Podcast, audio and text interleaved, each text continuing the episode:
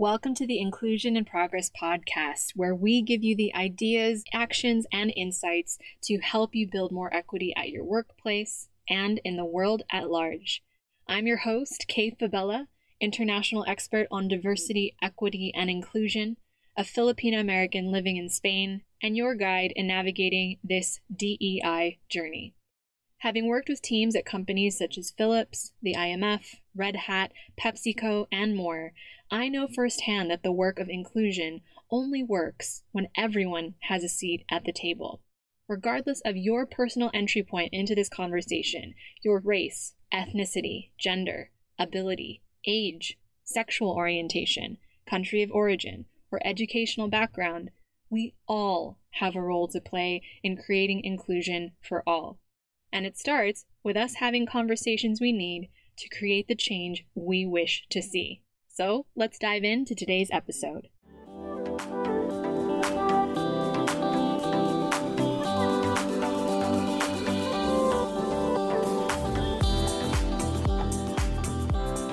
Hey, hey, hey, it's Kay here, and welcome back to Inclusion in Progress. Now, if you're listening in real time, we're now in October 2021 and officially entering the final quarter of the year, even though my head's still in 2020. But hey, here we go. but seriously, what a busy next few weeks we've got ahead of us. For one, it's Global Diversity Awareness Month, which I think is fitting given how global inclusion and progress has become. We've got tons of client delivery dates and workshops on this month and through to the end of the year. And honestly, even for this podcast, just there's so many listeners now from 34 countries around the world, which is just mind blowing. and I know I sound like a broken record at this point, but thank you. Thank you, thank you, thank you. To those of you who've taken the time to leave us a review, to share this with other clients, collaborators, bosses, friends, it really does make the difference. Every bit just helps us get these messages out to the people who'd most benefit from a more inclusive workplace and a more inclusive world. So, I wanted to take a moment to shout out to our latest reviewer from the US who had this to say. They said, DEI outside the box. I can really nerd out on this podcast. Whether it's an interview or an episode where Kay is sharing reflections, there are always smart and thoughtful takeaways especially on a global DEI perspective. Particularly loved that nerd out bit right there, not gonna lie.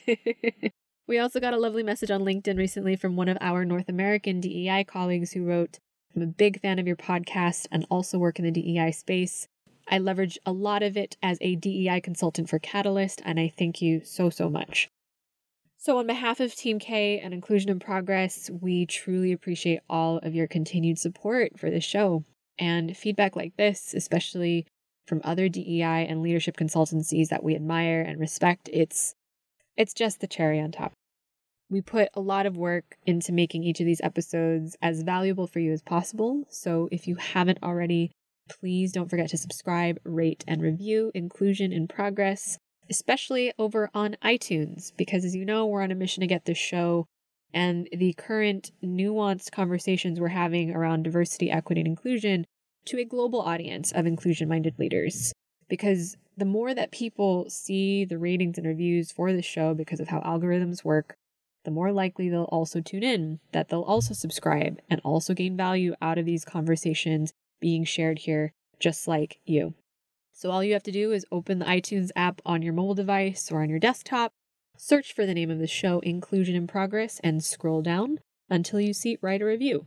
There will also be a link in the episode show notes where we'll walk you step by step on how to leave a review to help you out. And of course, another thank you to those of you who've already left us a review, who continue to send us lovely feedback on LinkedIn, like our colleague over at Catalyst, and continue to share the show with your colleagues, with your managers, with your fellow professionals from across the globe. It's truly a labor of love for the team and myself, and I am so grateful for the privilege of your time and attention. So, as you know, we're officially transitioning from what was my personal brand, kfabella.com, where I operated as an independent consultant, to the new digital home for Inclusion in Progress, LLC.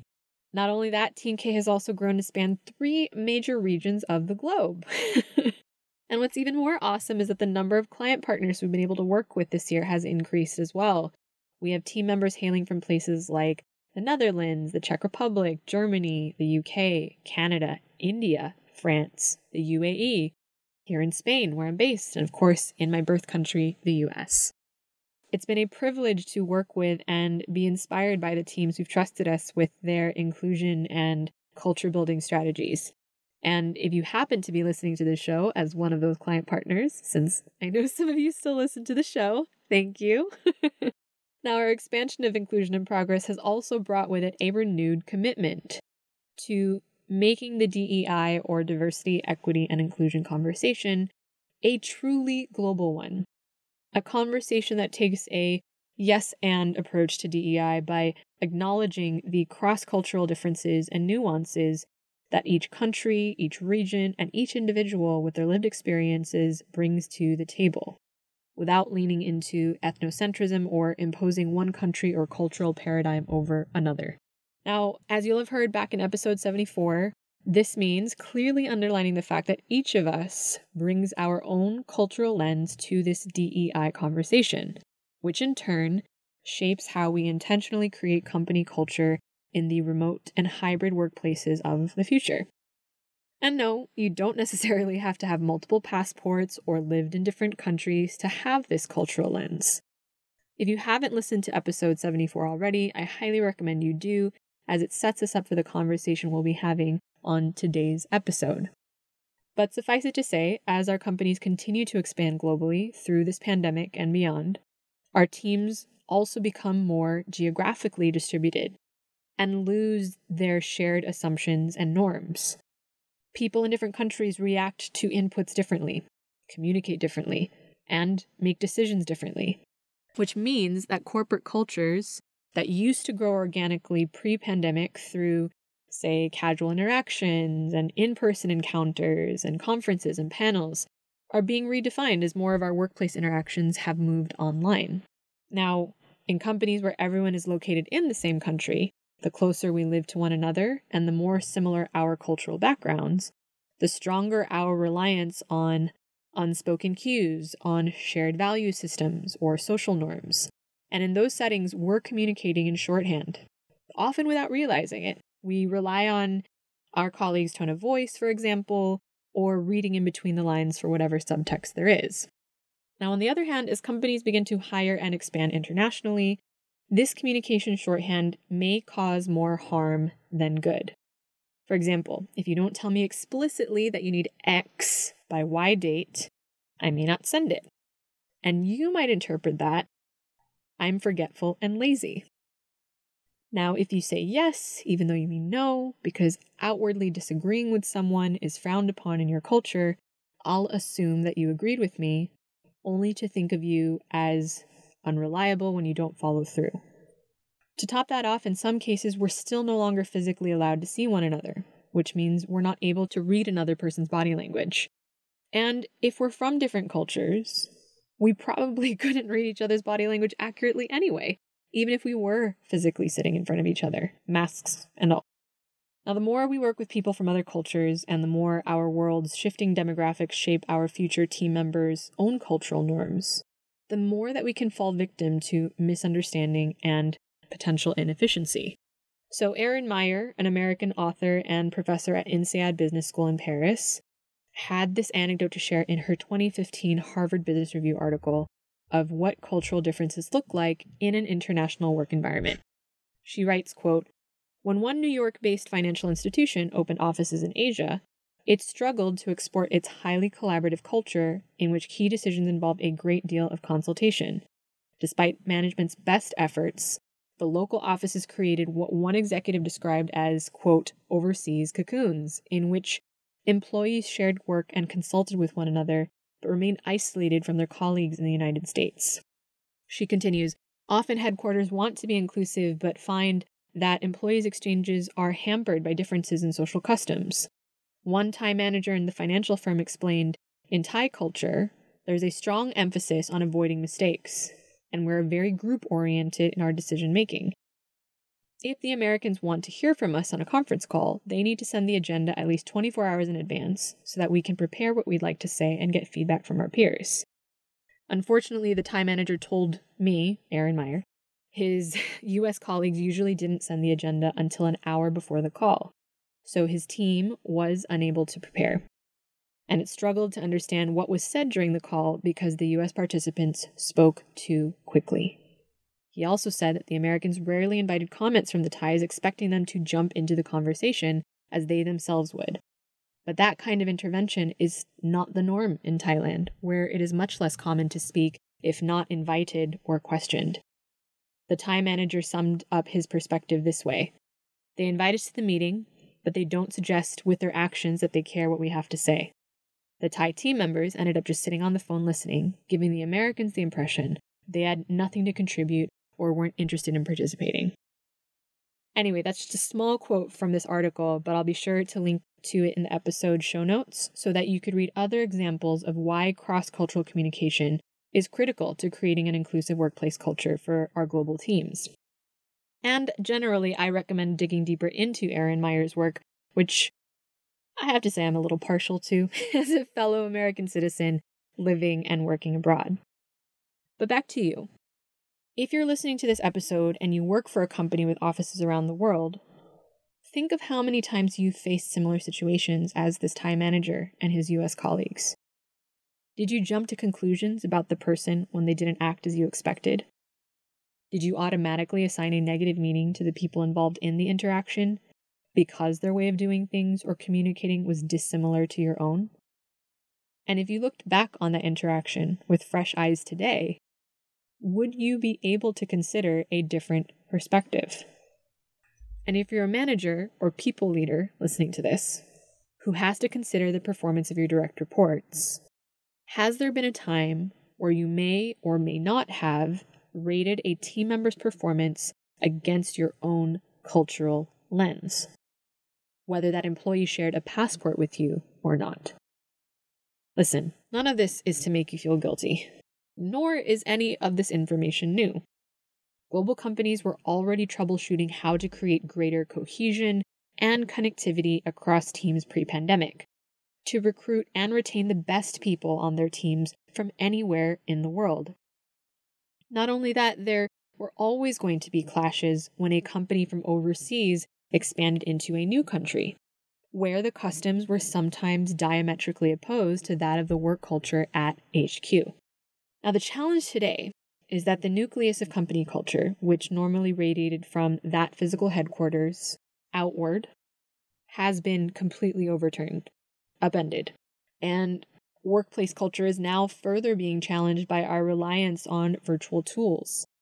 The fact that many of our team members speak English as a second or even third language, and different stages of physical and mental health and access to safety and security as COVID 19 persists which is challenging leaders not only with how to lead their teams, but also how to measure the effectiveness of their employees.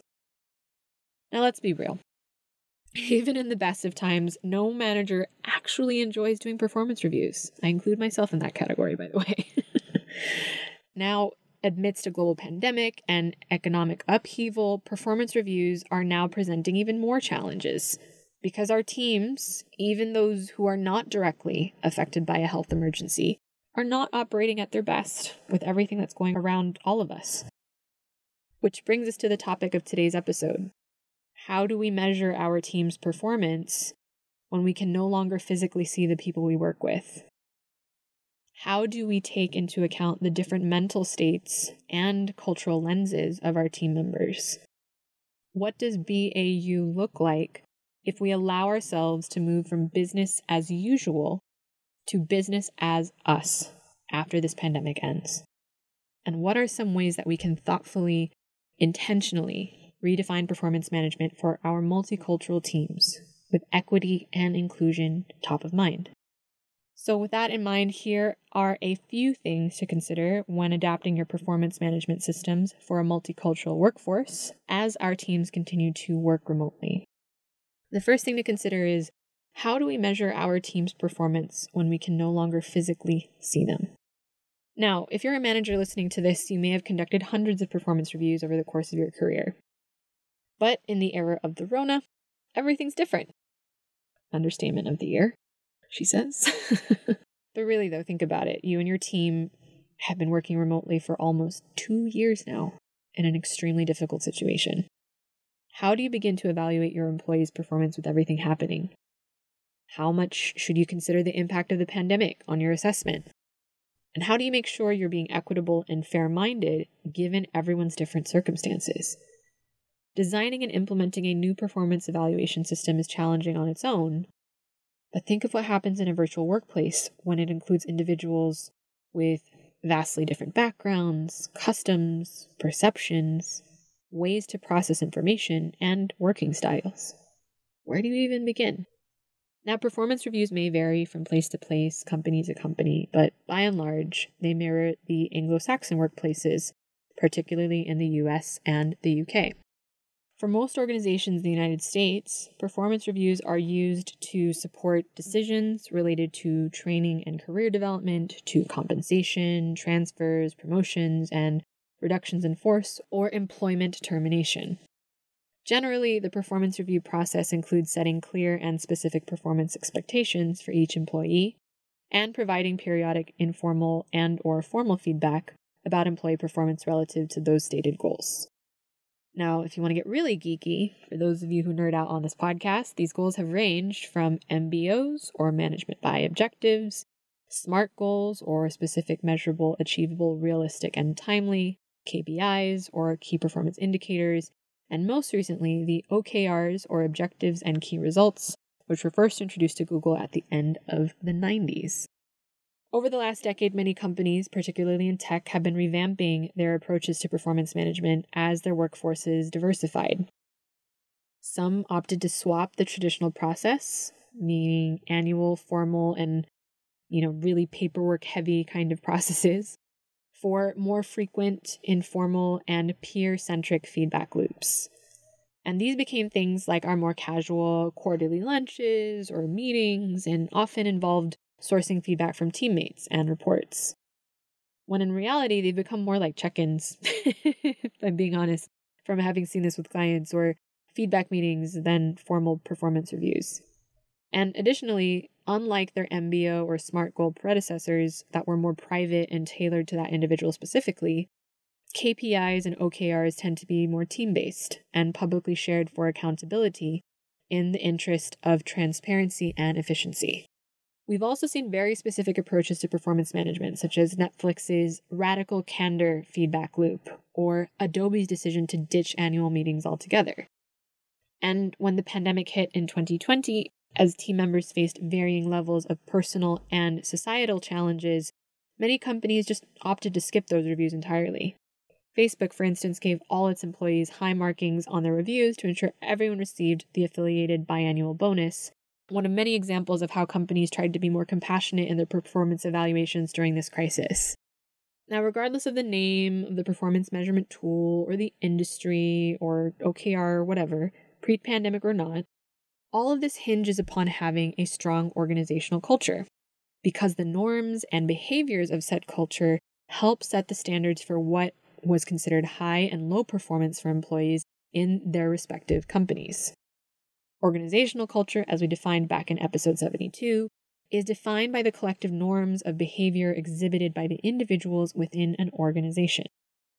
Generally, we've learned that workplace culture does not change very much, or very fast, but it adjusts slowly over a long period of time in response to an accumulation of multiple micro moments of encouragement, the occasional aha or epiphany, and, you know, occasional collision.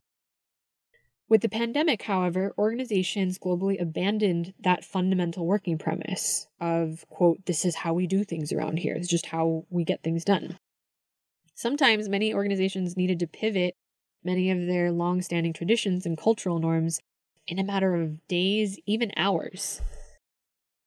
Companies have learned through almost two years of painful trial and error that we don't necessarily have to do everything face to face to get things done. And as companies consider their return to office plans, it's yet another opportunity for us to evaluate how our company cultures help us respond in crisis. What can be redefined and what can be improved? So, this is yet another chance for us to reevaluate what performance means and how we can manage it more intentionally for globally distributed multicultural teams. Now, let's consider such things as the different ways cultures and individuals respond to authority, the different ways people are likely to insert themselves into an important team conversation if they're worried about interrupting someone. For example, if your culture means that you are a person who lets people finish their sentences in a meeting when everyone else around you just pops over one, right? Of course, on a performance review, you're not going to be the person who's considered for a promotion because you're always going to be looked at as quiet and not contributing, right? We can also consider things such as the different ways team members are able to contribute if they're able to see an agenda beforehand, especially if they're coming from a different country or cultural context, like the example Erin Meyer used about the time manager. The different ways that people prefer to work or present themselves in a one on one setting, in a team setting, or in a virtual asynchronous setting. We can also consider things such as the different ways not speaking in your primary or secondary language on a day to day basis, while navigating a mostly English speaking work environment can affect how you interact with your manager, or the different ways your physical abilities, your lived experience as a person of color or as an immigrant, or in neurodivergent conditions can affect your style of communication in a work setting, and so many other factors. How many of those things that I've listed are we truly considering as we look at our performance management systems. So, the second point I want to bring to our attention is how do we take into account the different mental states and cultural lenses of our team members while measuring performance? Now, most of us who've delivered or been on the receiving end of performance reviews know this drill.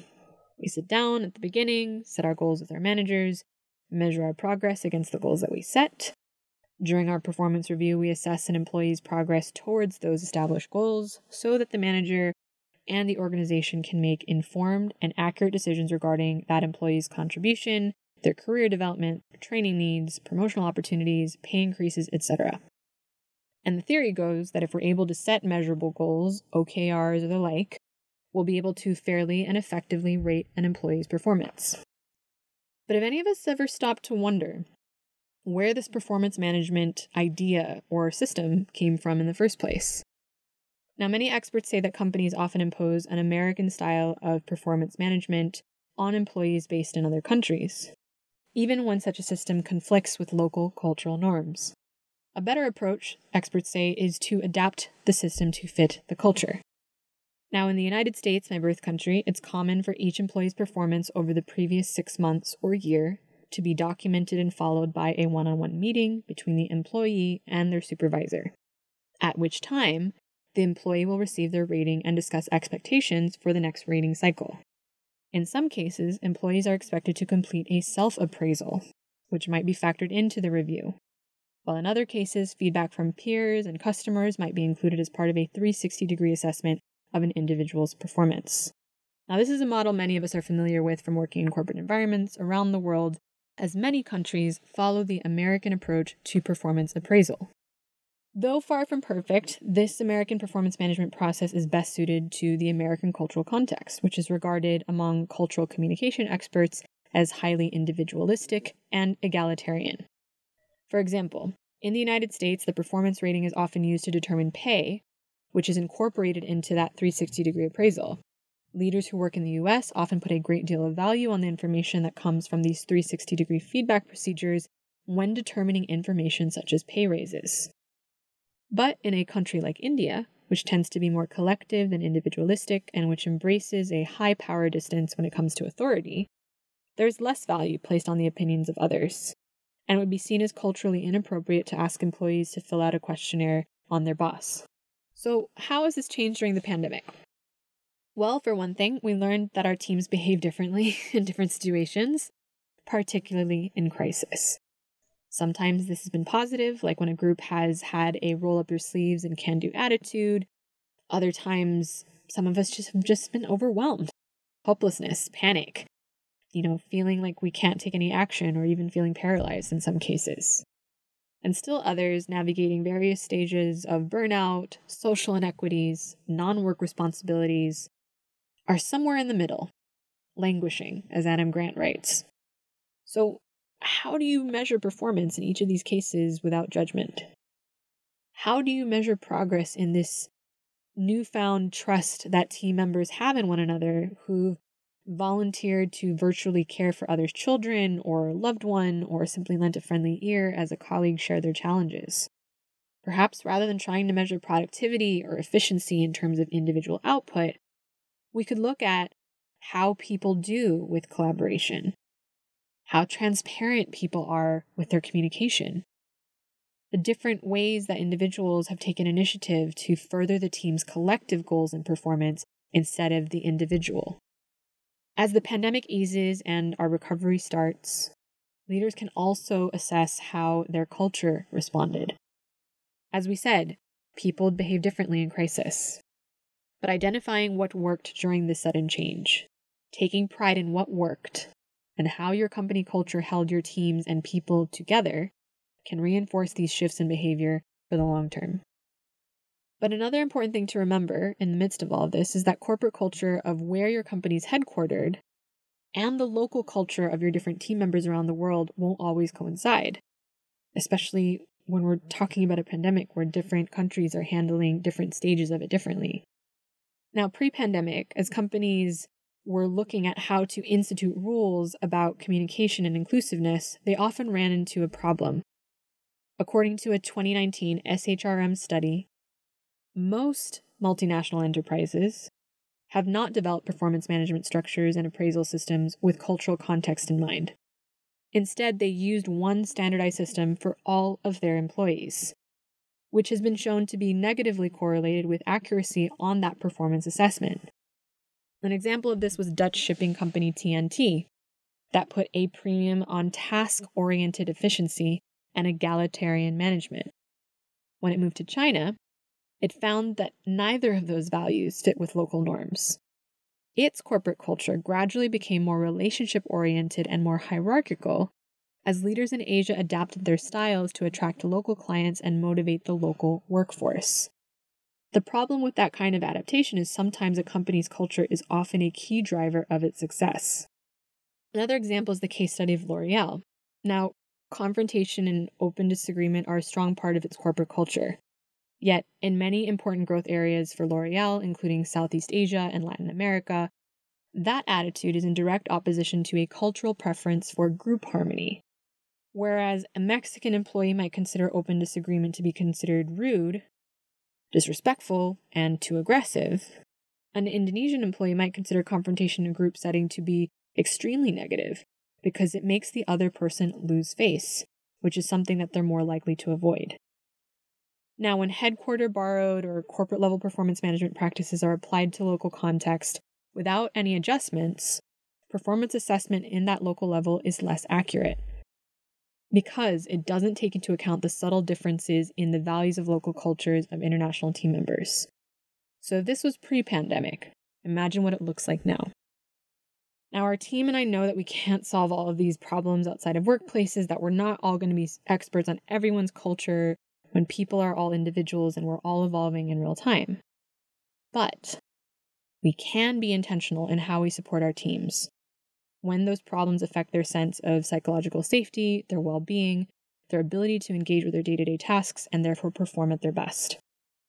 So, if you're looking for guidance on how to create greater connectivity for your distributed teams, looking at things like performance management, no matter where your teams are in the world, head to the link in the show notes and book a call with us to learn more about how we can support your teams with inclusion and cross cultural collaboration.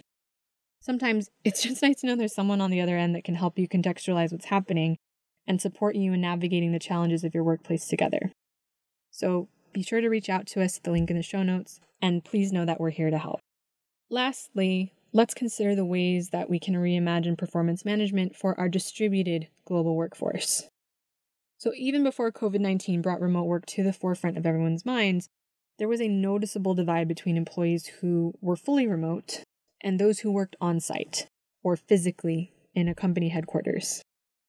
With a likely remote worker majority in the future, companies with a remote first policy, such as GitHub or Atlassian or Twitter, or who are considering a hybrid policy, must ensure that there's no perceived imbalance in opportunities in person employees receive versus those who are predominantly remote or live in other markets.